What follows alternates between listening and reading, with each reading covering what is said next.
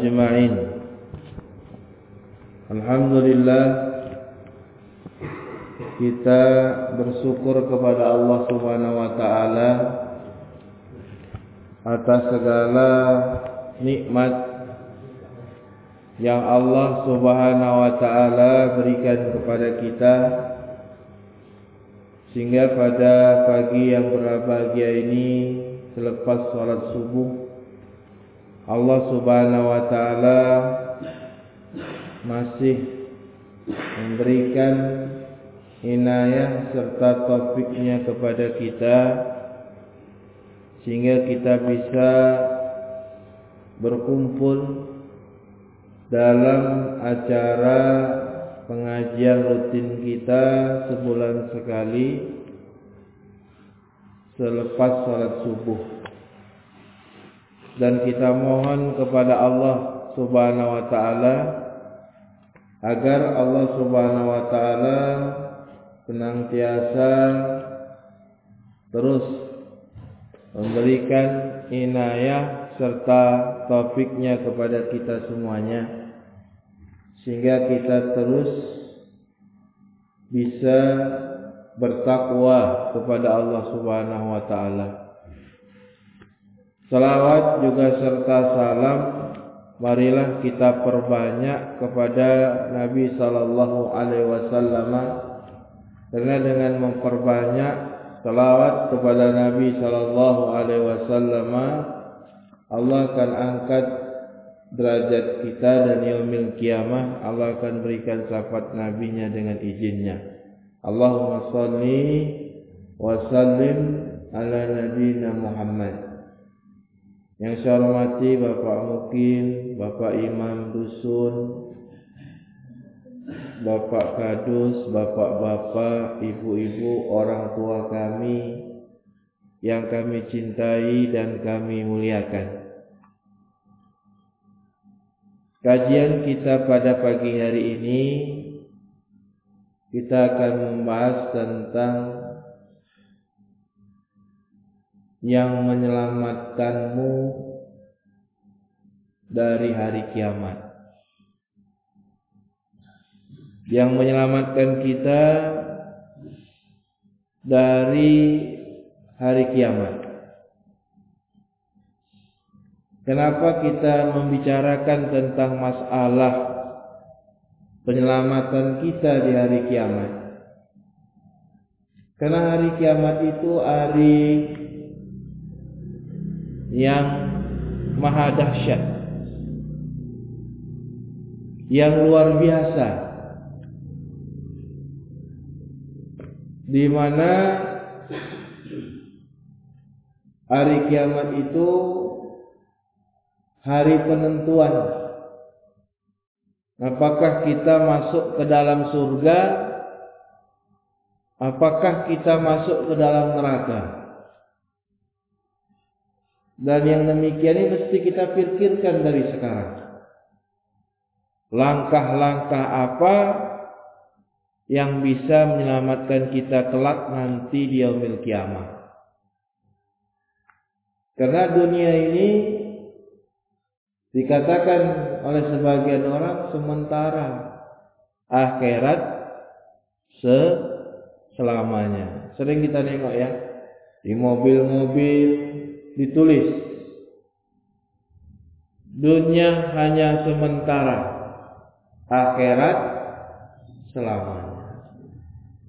Jadi kalau ceritanya dunia ini hanya sementara bahkan Allah Subhanahu wa taala katakan dunia ini adalah inam inamal hayatud dunya la'ibun wa la'ab. Hanya sekedar canda dan permainan dan disebutkan juga dalam Al-Quran mata'ul guru dunia ini hanya tipu muslihat. Tidak lama. Makanya pada pagi hari ini saya ingin sampaikan tiga kisah. Kisahnya siapa?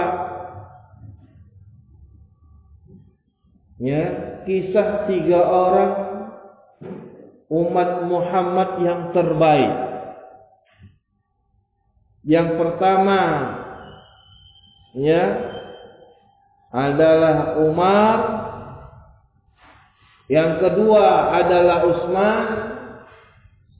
Yang ketiga adalah Abu Bakar As-Siddiq. Diceritakan di dalam Musnad Imam Ahmad ya bahwasannya dari Utsman ibn Affan radhiyallahu taala anhu qala ya kata Utsman ibn Affan ma rabi Umar bin Khattab radhiyallahu anhu fasallam alayya walam ashhar bih. Kata Utsman ibn Affan um yani Umar bin Khattab melewati aku. Melewati siapa? Melewati Utsman ibn Affan. Kemudian Umar memberikan salam kepadaku katanya. Walam ash'aru bih.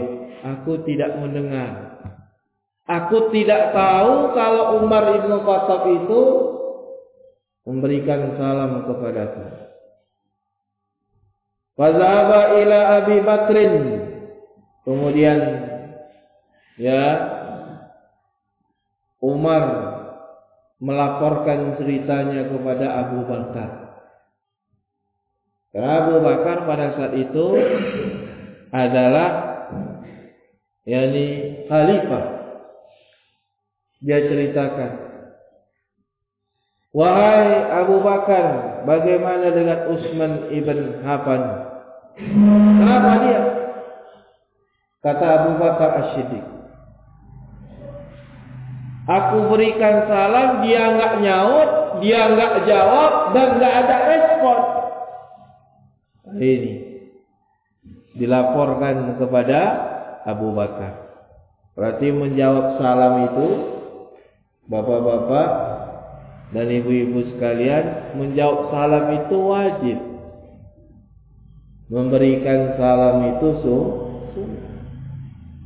Jadi kalau orang berikan salam sama kita, wajib kita jawab. Kalau tidak kita jawab, berdosa.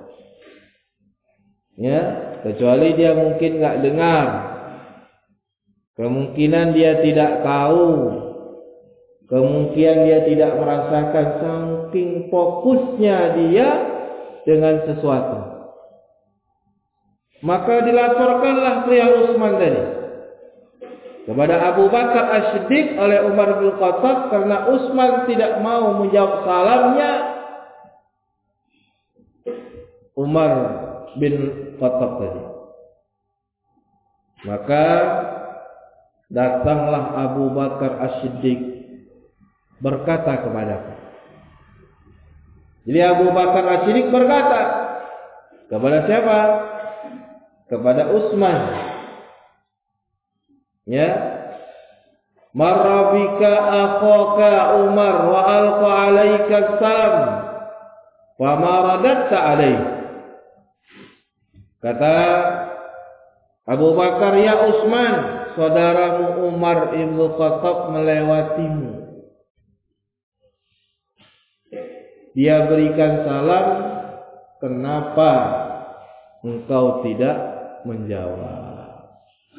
Apa kata Utsman bin Affan? Masallama alayya. Umar bin Khattab itu tidak memberikan salam kepadaku. Nah, ini biasa ini kalau kita fokus kepada satu masalah kalau dipanggil nggak dengar padahal dekat sama seperti zaman sekarang kalau lagi fokus nengok HP, dipanggil istri pun enggak enggak nyaut. Ya kan? Sama kalau kita lagi serius suatu memandang sesuatu, ditegur-tegur berapa kali pun kita tidak akan nyaut. Ya. Maka kata Utsman bin Affan enggak ada tuh Umar berikan salam kepadaku. Qala Umar Maka berkatalah Umar, "Bala wallahu salimta alaika." Tidak demi Allah kata Umar bin Khattab, aku berikan salam kepada kepadamu. Ya. Maka qala radhiyallahu anhu wa ardah. Kalau gitu mungkin ya aku sedang serius pada saat engkau berikan salam kepadaku kata Utsman ibn Affan aku lagi fokus lagi serius memikirkan jalan selamatku nanti di yaumil kiamat. Masya Allah. Ya ini umat yang terbaik. Khalifah sepeninggalan Rasulullah sallallahu alaihi wasallam Utsman ibn Affan saking fokusnya dia memikirkan jalan selamat di yaumil kiamat sampai-sampai Umar bin Khattab berikan salam dia tidak tahu dan tidak merasa kalau Umar bin Khattab memberikan salam. Masya Allah. Jadi bapak-bapak, ya apa kata Abu Bakar radhiyallahu taala ya sadaqa Utsman qad sagalaka amr pamahuwa ya kalau gitu Utsman enggak salah dia. Kata Abu Bakar. Matu kau berikan salam wahai Umar dia sedang fokus memikirkan jalan selamat dia nanti di yaumil kiamat. Ya kira-kira apa yang kau pikirkan saat itu wahai Utsman kata Abu Bakar. Ya maka kata Utsman radhiyallahu anhu arda ya kuntu ufakkiru fin nazatil hadzal amr haitsu mata Rasulullah sallallahu alaihi wasallam wa ma sa'altu an nazatil hadzal amr. Di mana ketika telah wafat Rasulullah aku enggak sempat tanya kepada Rasulullah. Kira-kira apa yang menyelamatkan aku nanti yaumil kiamat kelak? Ya enggak sempat tanya. Maka dipikirkan olehku tadi apa kira-kiranya? Waqala Abu Bakar radhiyallahu ta'ala maka Abu Bakar As-Siddiq mengatakan laqad sa'altun nabiyya sallallahu alaihi wasallam an kata Abu Bakar, wahai Utsman, tenang. Karena aku lebih dahulu bertanya kepada Nabi sallallahu alaihi wasallam ya tentang perkara tersebut tadi. Faqama ilai Utsman, maka Utsman pun berdiri mendekati Abu Bakar tadi. Wa qala bi abi anta wa ummi, demi bapakku. Ya, demi engkau dan demi ibuku. Engkau lebih berhak menjawab yakni pertanyaanku tadi. Qala qala Rasulullah sallallahu alaihi wasallam. Maka jamaah rahimani wa rahimakumullah berkatalah kata Abu Bakar Rasulullah sallallahu alaihi wasallam kepadaku man qabila minnil kalimata allati aradtu ala ammi waraddaha alayya fayalahu najah Barang siapa yang menerima dariku sebuah kalimat yang kalimat itu pernah aku tawarkan kepada pamanku. Siapa pamannya? Paman Rasulullah SAW Abu Talib. Ya. Waraddaha alayya akan tetapi pamanku tadi menolak. Ya lahu najah maka dia akan selamat. Nah ini dia. Jadi kata Rasulullah Sallallahu Alaihi Wasallam berkata kepada Abu Bakar ketika ditanya apa jalan selamat nanti di yaumil kiamat. Kata Rasulullah Sallallahu Alaihi Wasallam, barang siapa yang menerima sebuah kalimat yang pernah aku tawarkan kepada pamanku dan dia menolaknya, maka dia akan selamat. Kalimat itu adalah kalimat la ilaha illallah. Maka kalimat la ilaha illallah itu akan menyelamatkan kita, Pak. Dari yaumil kiamat kelak. Ya. Kalau Utsman berpikir keras seperti itu sampai-sampai Umar bin Khattab berikan salam dia tidak terasa tidak tidak mendengar saking fokusnya mendengarkan memikirkan keselamatannya nanti di yaumil kiamat sekarang bapak-bapak ibu-ibu sekalian pernahkah kita berpikir ya jalan selamat kita nanti di yaumil kiamat yang kita pikirkan sekarang ini masalah dunia terus yang kita khawatirkan masalah dunia. Tidak pernah kita pikirkan masalah gimana ya selamat nanti di akhirat. Karena semua kita akan melewatkan asyirat. Yang kafir, yang mukmin, yang fajir, yang takwa, yang takwa, semuanya akan melewatkan asyirat. Tapi kita tidak pernah berpikir. Yang kita pikir cuma masalah dunia. Bahkan kita minta kepada Allah pun bukan minta keselamatan akhirat. Kebanyakannya. Yang kita minta ya Allah. Banyaklah rezeki yang hari ini. Ya kan. Anak sekolah. Ya kan. Yang kita pikirkan dunia. Tidak pernah terbetik di pikiran kita dan hati kita. Tentang selamatnya kita nanti di hari Kita belum tahu Pak. Kita selamat enggak nanti? Setelah kita mati masuk ke alam barzah, belum tentu kita selamat, betul nggak? Ya kan? Setelah di alam barzah dibangkitkan nanti di yaumil kiamah, belum tentu juga kita selamat.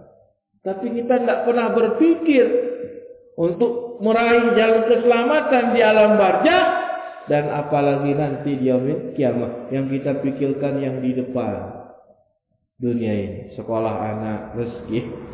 Tidak salah kita tidak salah memikirkan nafkah untuk anak dan istri kita.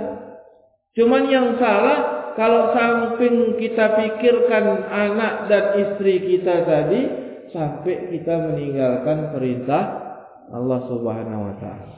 Itu yang salah. Sibuk dengan hidup dunia. Sibuk tapi nggak pernah mau jalan ke akhirat. Itu yang salah. Maka coba kita lihat bahwa sekalian satu kisah lagi. Kisah tentang Abdullah ibn Rawah radhiyallahu taala Kana fi baiti wa inda zawjihi fabakat faqala lahu ma yabkika. Maka saat itu sahabat Nabi ini Abdullah bin Raha ya, dia di sisi istrinya. Maka istrinya itu menangis. Istrinya menangis. Maka kata Abdullah, kenapa engkau menangis? Qalat ra'aituka bakiyat itu. Aku melihat engkau nangis, kata istrinya, aku pun ikut menangis. Ya. Pasal taumal fasalathu malladhi abkah. Maka istrinya tanya, sebenarnya wahai suamiku, apa yang kau tangisi? Qala zakartu qaula Allah azza wa jalla. Aku ingat sebuah firman Allah. Di dalam surat apa? Surat Maryam. Wa inna minkum ila wariduha kana ala rabbika atman ya maqdiyah. Summa nunajjil ladzina taqaw nadharu zalimina fiha jisiyah. Jadi sahabat ini teringat surat Al surat Maryam ayat 71 sampai 72. Apa kata Allah Subhanahu wa taala? Tidaklah salah seorang kalian melainkan kalian akan melewati api neraka dalam keadaan berlutut. Ya, jadi kita semua akan melewati api neraka. Artinya melewati yakni as penafsiran ahli tafsir. Yang mana asirat itu jembatan yang menghubungkan ya jembatan itu pas letaknya di atas lembah neraka jahanam.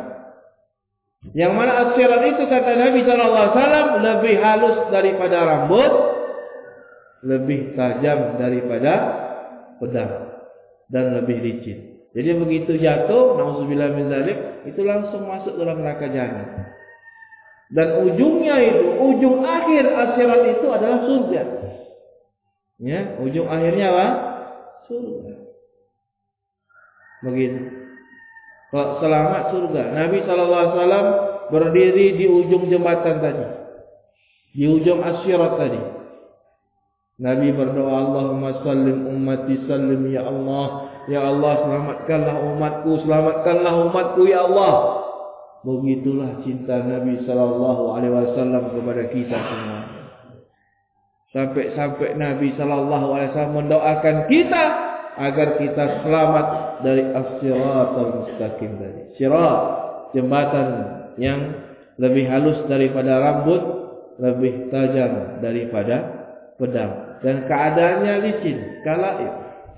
Maka dalam hadis ada orang yang melewati seperti orang yang merangkak ada orang yang melewati berjalan, ada orang yang melewati seperti kilat, ada orang yang melewati seperti berlari, sesuai dengan amalan-amalannya di dunia tadi.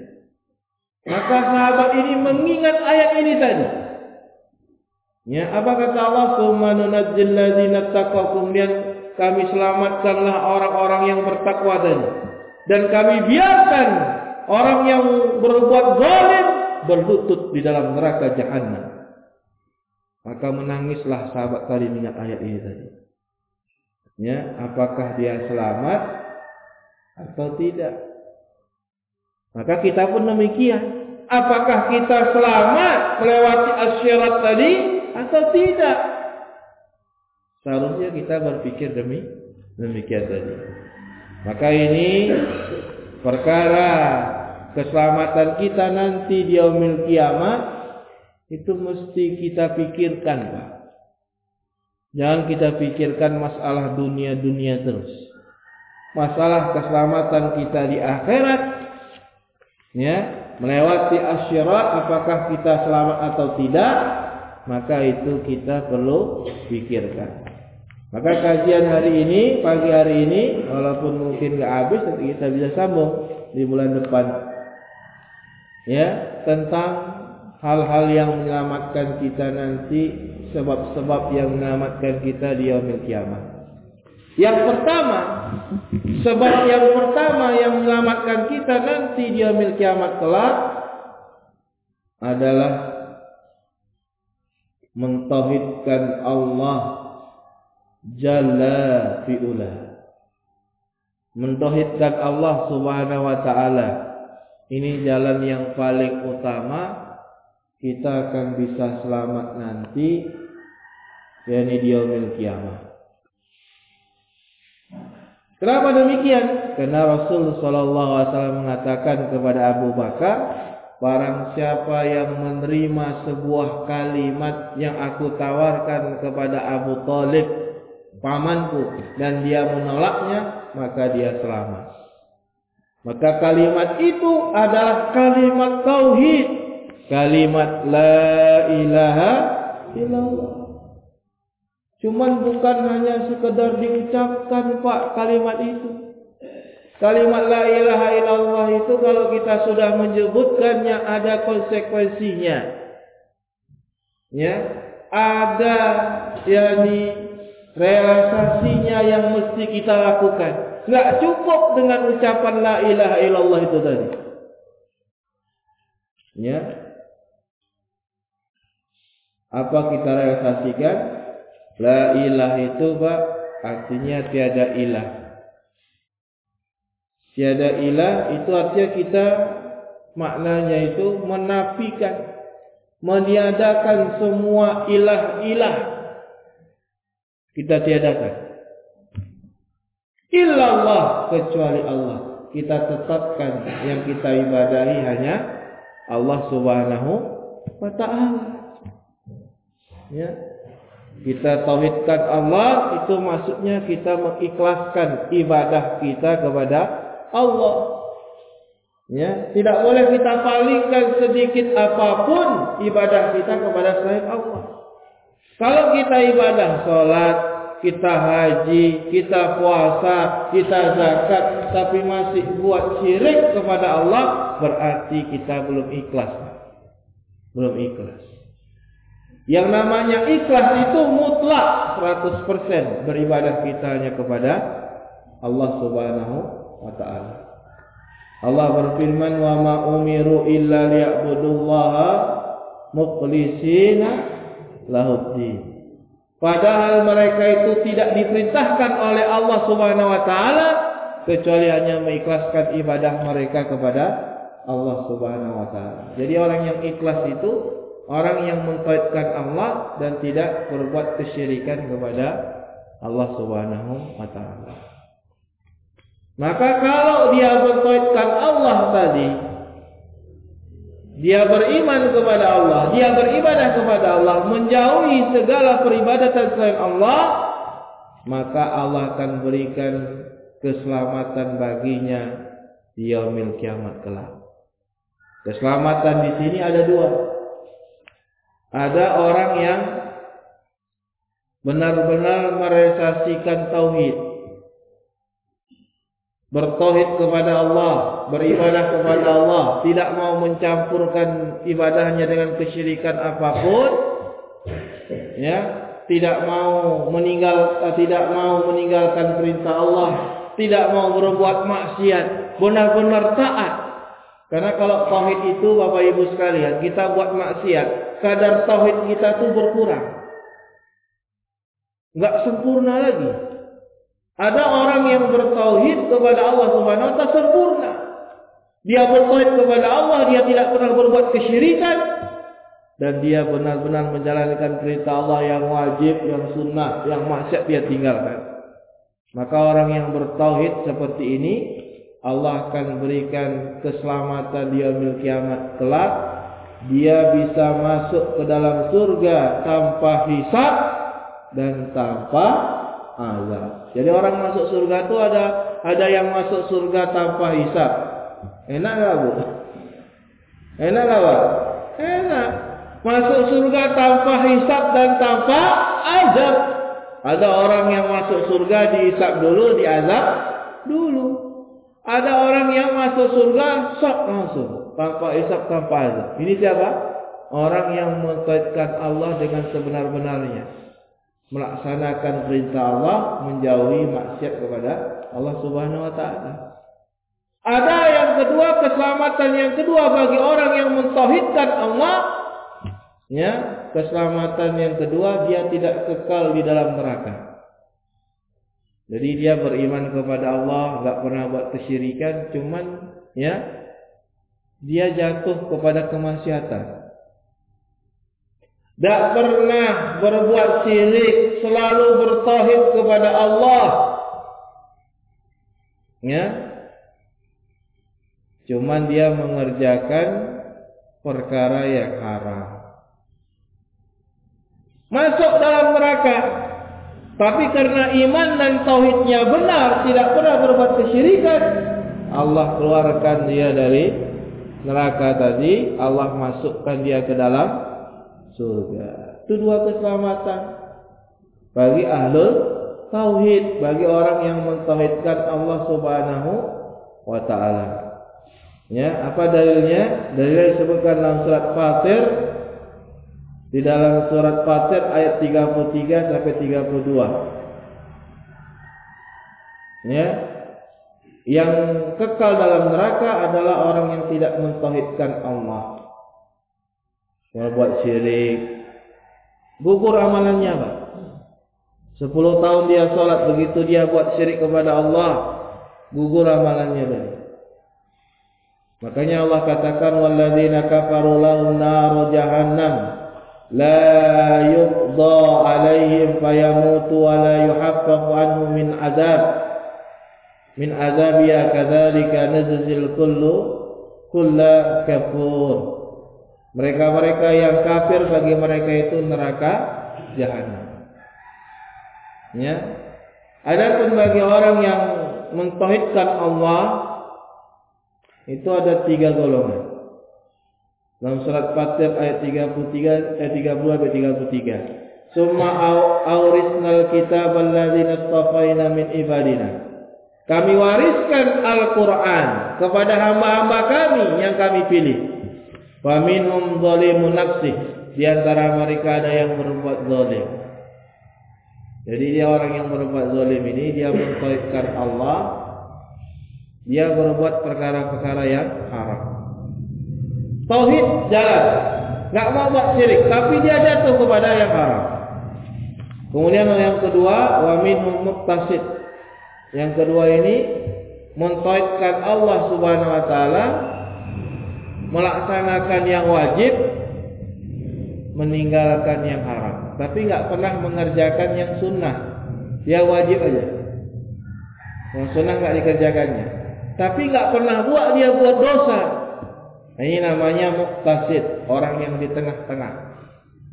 Kemudian yang ketiga kata Allah Subhanahu wa taala, "Wa minhum sabiqunal sabiqum bil khairat."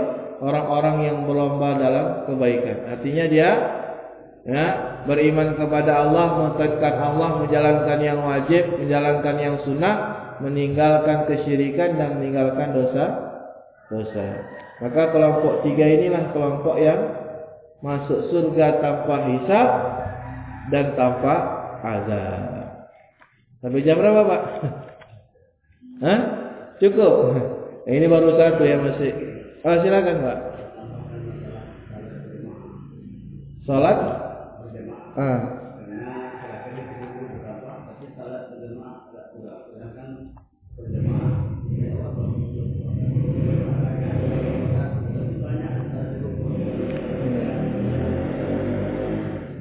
Ya.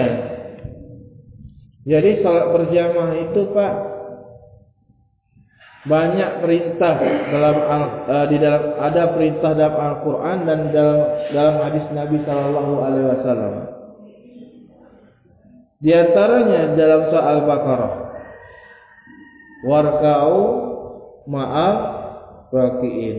Rukuklah bersama orang-orang yang rukuk. Kalau ruku bersama orang-orang yang ruku itu bukan di rumah. Betul nggak? Di mana Pak? Ruku bersama orang-orang yang ruku.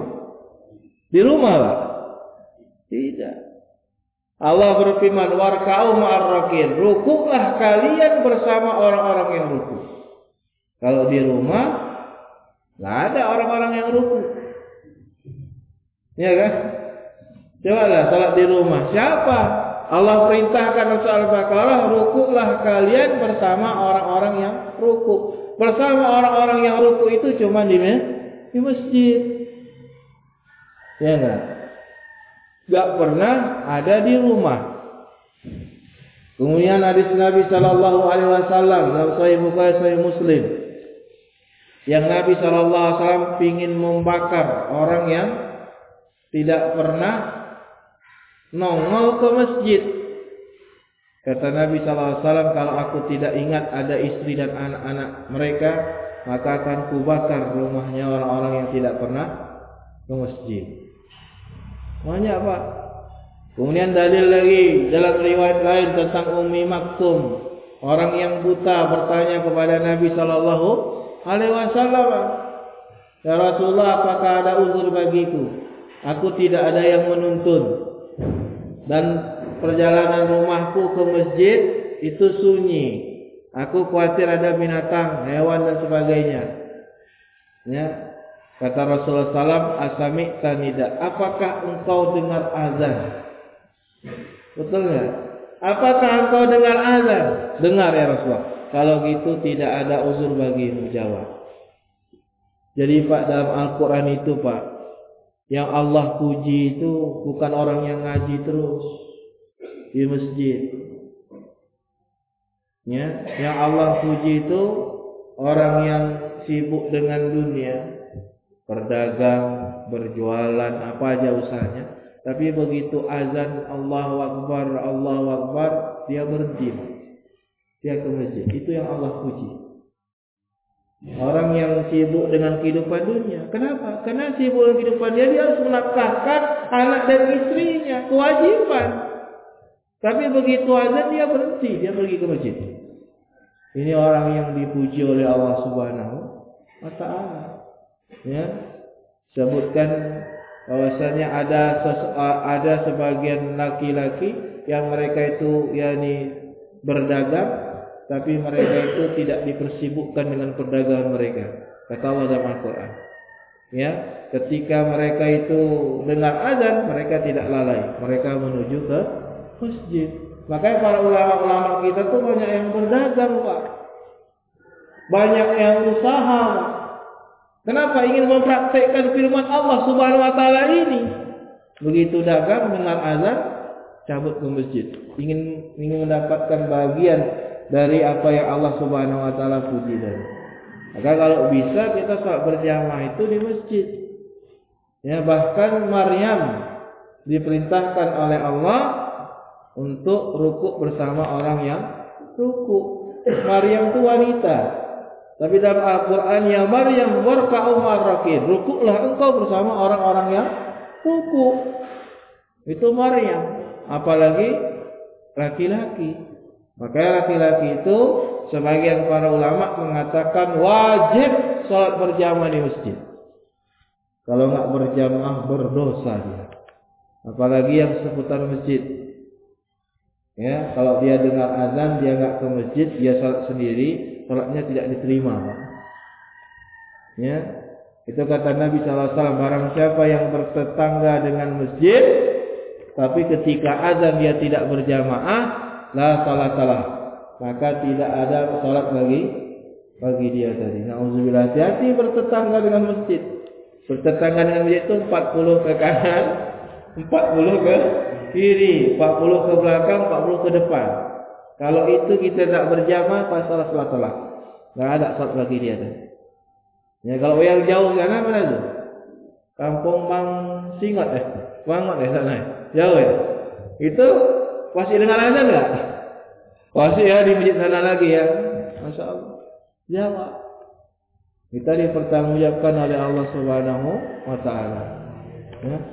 Begitu. Itu Pak ya. Ada lagi Pak? Kalau ada kita tutup insyaallah taala ini baru satu kita sebutkan. Insyaallah nanti kita lanjutkan di bulan depan insyaallah taala yang menyelamatkan kita dari yakni nanti di yaumil kiamat. Salah satunya sudah saya sebutkan tadi yang paling besar adalah kita mengamalkan tauhid. Mengamalkan kalimat la ilaha illallah. Jadi kalimat la ilaha itu bukan hanya disebut, Pak. Konsekuensi yang menjalankan perintah Allah. Banyak orang la ilaha illallah rajin dia sebanyak seribu kali ya la ilaha illallah tapi enggak pernah sholat. Untuk apa? Ya, bukan hanya sekedar diucapkan, tapi juga dia harus dipraktekkan. Subhanakallah bihamdika asyhadu an la ilaha illa anta astaghfiruka wa atubu ilaik. Ya terima kasih atas perhatian Bapak dan Ibu. Ya akhiru dakwana alhamdulillahirabbil alamin. Assalamualaikum warahmatullahi wabarakatuh.